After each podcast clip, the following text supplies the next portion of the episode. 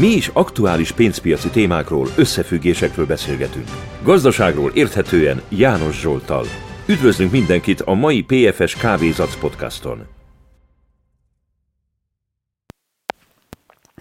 Persze, hogy megint felmerült az a kérdés, hogy amit aktuálisan a piacokon látunk, az, az túlzás-e már? És az érdekes az is, hogy egyből, egyből azonnal jön a másik kérdés, mikor így beszélgetek emberekkel, befektetőkkel, hogy de hát egyáltalán megéri még befektetni? Mikor jön a kérdés, hogy miért? Na ja, hát most már, most már lejárt minden. Tehát most már, most már szárnyatok a piacok, és most már nem éri meg. És ezzel újra és újra ugyanabba a mókuskerékbe kerülünk vissza, abba a körforgásba, amiről, ja, mint Sisyphus, ugyan arról a témáról folyamatosan beszélgetünk évtizedek óta, és a tegnap így eszembe jutott megint 92-ben az az előadás a Bécsi Egyetemen, amelyiken részt vehettem, és um, Kosztoláni ott volt, vagy itt volt a Bécsi Egyetemen, amit ő akkor mondott, akkor én nem is sejtettem, hogy ez mennyire meg fog maradni az én életembe, és mennyire a lényeg volt. De az is érdekes, hogy lehet, hogy ez a felismerés ez korral jön, és az is, hogy ezt a sztorit biztos, hogy már valamikor elmondtam, az is a korral jön, mert a végén um, szinte minden ilyen jó sztori már egyszer elhangzott. Ami érdekes, lehet ezt újra és újra aktuális összefüggésekbe hozni.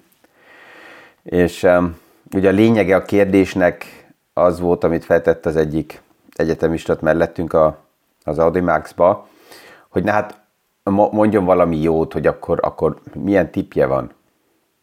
És, és erre annak idején ezt nem is értettük. Az ő válasza egy, először egy mosoly volt, és azután azt mondta, hogy hát fiatalember önnek még, önnek még egy, egy, egy nagyon hosszú utat kell menni, mert alapjában nem ez a kérdés, hogy van egy jó tipp, hanem a portfólióban van aktuálisan olyan körülbelül 490 különböző pozíció, és ha hónap éppen pénzre lenne szükségem, akkor valamelyik olyan szinten biztos, hogy van, amiből érdemes kivenni a pénzt.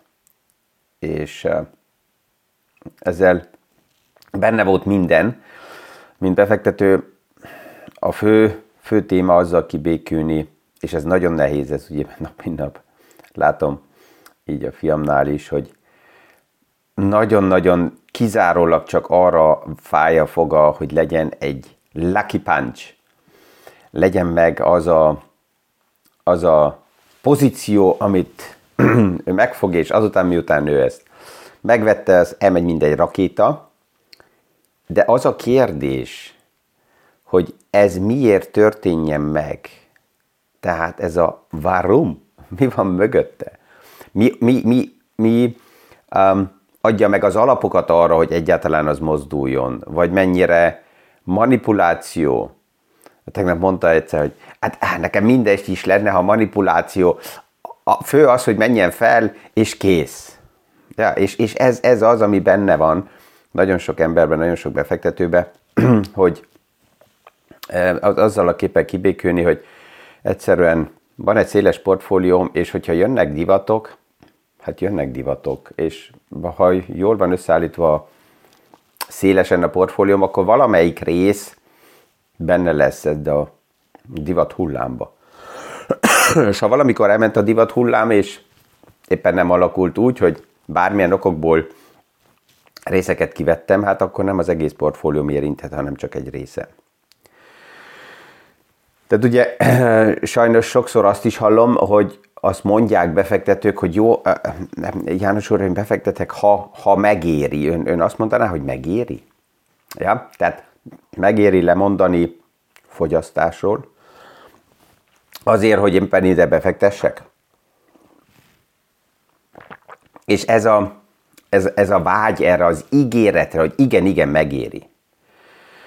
Ezt elé, egész értékesítői hadseregek használják ki az embereknél, mert, mert, mert adnak el ígéretet, és az emberek veszik meg az ígéretet, és ez, ez újra és újra egy ilyen egy örök, örök csapdába tud belekerülni, mert most is, hogyha megnézzük a piacot, akkor klasszikusan a piac mit csinált?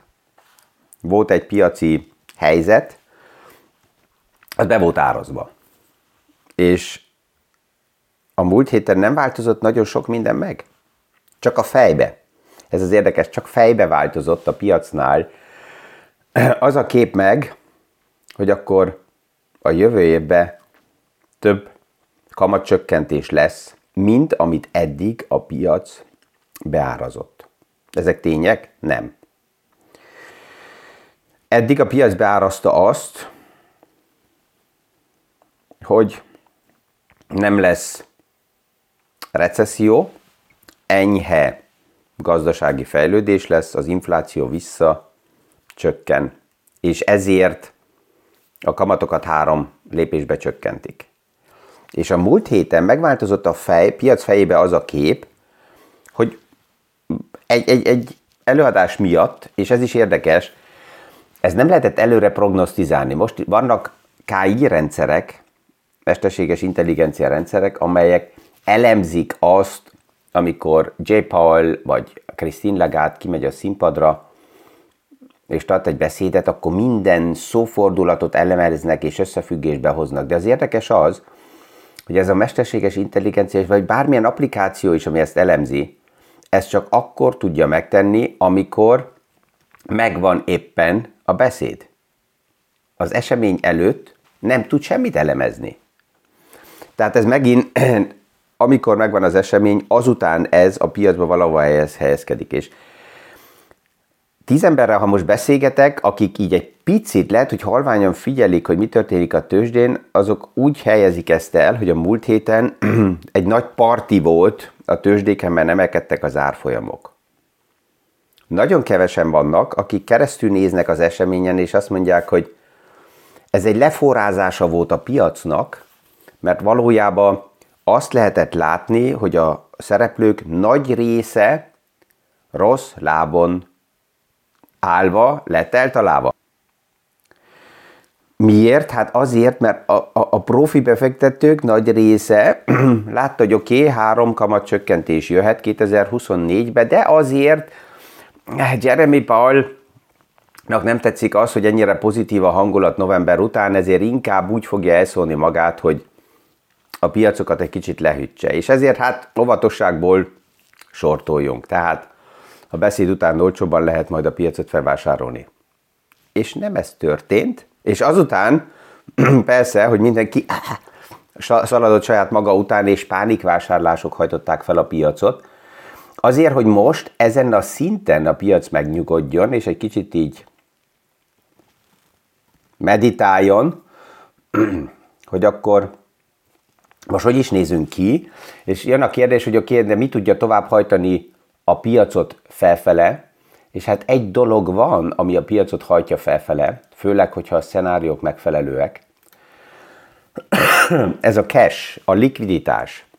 Van egy nagyon jó összeállított anyag, ami azt mutatja fel, hoppala, azt mutatja ki, hogy a money market fundok, tehát a pénzpiaci alapokba a tartalékok hogy növekedtek az elmúlt évtizedekben a likviditás, és ez összehasonlítva azzal, hogy mi történt a kamatfronton. És egyet látunk, hogy az elmúlt évtizedekben, ha visszamegyünk, akkor ez a likviditás folyamatosan növekedett, pillanatilag több mint 5 billió dollár nagyságrendű ennek a likviditásnak a tartaléka a része csak az amerikai piacba. És az elmúlt évtizedekben mindig, amikor a kamatok növekedtek, akkor ez megnövekedett, azután miután a kamatok csökkentek, ez csökkent, mert a tőke is átáramlott más befektetési kategóriákba. Tehát, hogyha kamat csökkenésről beszélünk a jövő évben, akkor a pénzpiaci alapokból likviditás mozdul meg, és ezt, hogy megmozdul, ezt már láttuk most is, mert olyan erősen áramlott át tőke az elmúlt hetekbe a, a pénzpiaci alapokból a, például Standard Poor's Indexbe vagy más a kategóriákba, amit eddig nagyon régóta nem láttunk, és um, annak ellenére, hogy ez az átáramlás már elindult, ezt a grafikákban nem lehet még látni. Tehát ha megnézzük, hogy mekkora az összeg, ami már befolyt a Standard Poor's Indexbe, akkor ez mély pontokon van, még mindig a money market fundok tartanak nagyon nagy pozíciókat. És ez egy oka annak, hogy a likviditás a piacba a háttérből persze, hogy tovább is megvan, és ez a likviditás alátámassza az egyik oldalán azt, hogy a piac most egy kicsit megnyugszik az év végére, csak ha megnézzük, megfordult két nagy kép. Az egyik kép megfordult egy hónapon, másfél hónapon belül, az a geopolitikai helyzet, mert ma alapjában nyugodtabb egy picit a piac, mint egy hón, másfél hónappal ezelőtt. Most azt lehet mondani, hogy oké, okay, ha megnézzük, akkor pont a hutik nagyon piszkálják ugye a hormoszi hajózás, uh, uh, hormoszi szorosnak a, a, a kérdését, ugye, és ezért a világ um, beszállítási rendszere megint akadozni kezd, de ezt is látjuk, hogy sokkal gyorsabban reagál a világpiac és a gazdasági körforgás az aktuális eseményekre, mint akár annak idején, amikor elakadt a hajó. Tehát ez már nem egy szokatlan helyzet, hanem sokkal gyorsabban átállnak a beszállító rendszerek más struktúrákra, és attól függ, hogy ez meddig tart, még az is lehet, hogy a fogyasztó ezt észre se fogja venni, tehát ez nem főtétlen inflációt hajtó esemény felfele, mert a kereskedők lenyelik a plusz költségeket, mert túl macerás lenne ez beárazni és átforgatni. Ez a kérdés az, hogy, hogy milyen lesz megint a timeline. A másik, ami megváltozott másfél hónapon belül, még másfél hónappal ezelőtt arról beszélgetett a szakmai világ, hogy a kamatok a jövőbe akár emelkedni fognak. Csak emlékezzünk vissza, október közepe Jamie Dimon a, a, a konferencián, mikor fellépett, akkor azt mondta, hogy hát a piacnak nem lenne jó, hogyha 7%-os kamat látható lenne 10 éves kötvényeknél, erre fel most nem vagyunk 4% alatt. Tehát ez a kép, ez a két kép nagyon erősen megfordult, ez persze, hogy akár még egyszer ugyanúgy fordulni tud, és ez egy valamelyik beszélgetésben fel volt érve a kérdés, hogy a hullámvasút, ez normális, amit érzünk. És ez az, amihez hozzá szokhatunk. Már hozzá lehetett szokni, de ez nem lassabb lesz, hanem ez gyorsabb lesz. Tehát ez a rövid, hangulat irányított uh, piaci mozgás, ez gyorsabb lesz, a kilengések a végleg, végleget, végletekbe az, az még erősebb lesz, és um, ezek mindig a fejbe változnak meg csak a, a, a filmek. Tehát amikor a hangulat a piacba változik, akkor általában a tények nem változtak meg, akkor a fejmozi változott meg, és akkor nem egy napsütéses eh, szép eh, mozifilmet lát a piac, hanem egy, egy horrorfilmet lát, és azután megint egy szép filmet lát, tehát ez, ez az, amit helyre kell tenni. Rövid időre nézve a hangulat erősen mozgatja a piacokat, hosszú távra nézve a hangulatnak a jelentősége nem olyan nagy. Hosszú távra nézve ott a, a tények, a számok, a forgalom, a nyereségek, ez, ez az, ami, ami döntő a piacokba. És meg fog jelenni januárban az a kérdés, hogy meddig érdemes a piacnak örvendeni hogy a kötvények kamatszintje csökken. Ezt egyelőre ünnepli a piac, ezt ünneplik a kötvénybefektetők, és ünneplik a részvénybefektetők is. Miért? Hát mert mind a kettőnek jót tesz az, hogyha a kamatok csökkennek. De lesz egy olyan határ, amikor a piac elkezdi azt a kérdést forgatni, hogy de meddig jó, amíg, amíg, amíg esik a kamat, és főleg, hogy miért esik a kamat. És ennek két oka tud lenni. Az egyik, hogy a gazdaság lehűl. A gazdaságban problémák vannak. Ez nem tetszene annyira a piacra, piacnak. A másik verzió, hogy miért csökken a kamat, az tetszene, mert az azt jelenti, hogy az infláció csökkent. De ez is csak egy bizonyos szintig, mert az infláció, hogyha túllő és túl alacsony szintre megy, 2% alá, az már megint kritikus a gazdaságnak. Tehát ez, ez lesz így a, a kép, és az ideális, de hát ugye ezt, ezt már többször beszéltük meg, hogy a tőkepiac az nem egy kívánságkoncert, még annak ellenére is, hogyha most karácsony előtt vagyunk. Az ideális inkább az lenne, ha az infláció tovább csökkenne vissza, és ezt látjuk, hogy az amerikai infláció az már lényegében 2%-nál van, az európai még nem. Az európai a 2%-ot még lehet, hogy 25-be sem éri el. Um, ezért tovább is az amerikai lépések azok mások lesznek, mint az európaiak. A kérdés csak az, hogy ezt így látja Christine Lagarde, vagy tovább is a, az ikertestvérével egy ütembe szeretne plusz-minusz lépni egy pár hónap halasztással. Tehát az ideális ez lenne, az infláció csökkenne tovább, akkor igazuk lenne a központi bankároknak, akik azt mondták valamikor, hogy transitory, hogy átmeneti. Ezért a kamatok tudnak csökkenni, ami segít a gazdaságnak, és a gazdaság nem is kell nagyon szárnyaljon. Az elég, hogyha egy ilyen langyos szinten megy tovább, tehát meg lenne az a szenárió, hogy soft landing végig sikerült. És erre is megvannak azok a, a helyzetek, hogyha valaki felteszi a de, de ez valamikor sikerült-e, hát azt, azt lehet mondani, hogy igen, ha a múltat megnézzük, akkor annak ellenére, hogy ugye egy pár nappal ezelőtt mondtam, hogy a bullshit csártokat milyen nem szeretem idézni, um, annak ellenére megvannak a múltból olyan, olyan gazdasági paraméterek, helyzetek, amik azt mutatják, hogy a 80-as évek elején uh, sikerült a piacnak a kamatváltások után egy olyan fázisba belemenni, hogy a gazdaság tudjon újra növekedni. És az impulzusok kell jöjjenek. Honnan jöhetnek az impulzusok? Hát tovább is megmarad a mesterséges intelligencia és a technológiai innovációnak főleg a fejlődési ereje, és um, itt, itt a tegnap egy, egy szám került a kezembe, ami azt mutatja, hogy milyen dimenzióba fejlődik még mindig tovább a technológia. Um, ha megnézzük a mikroprocesszoroknak a teljesítő képességét, akkor 1975-ben ezer, ezer e, e, lépést, ezer operációt tudott lebonyolítani egy mikroprocesszor másodpercekként.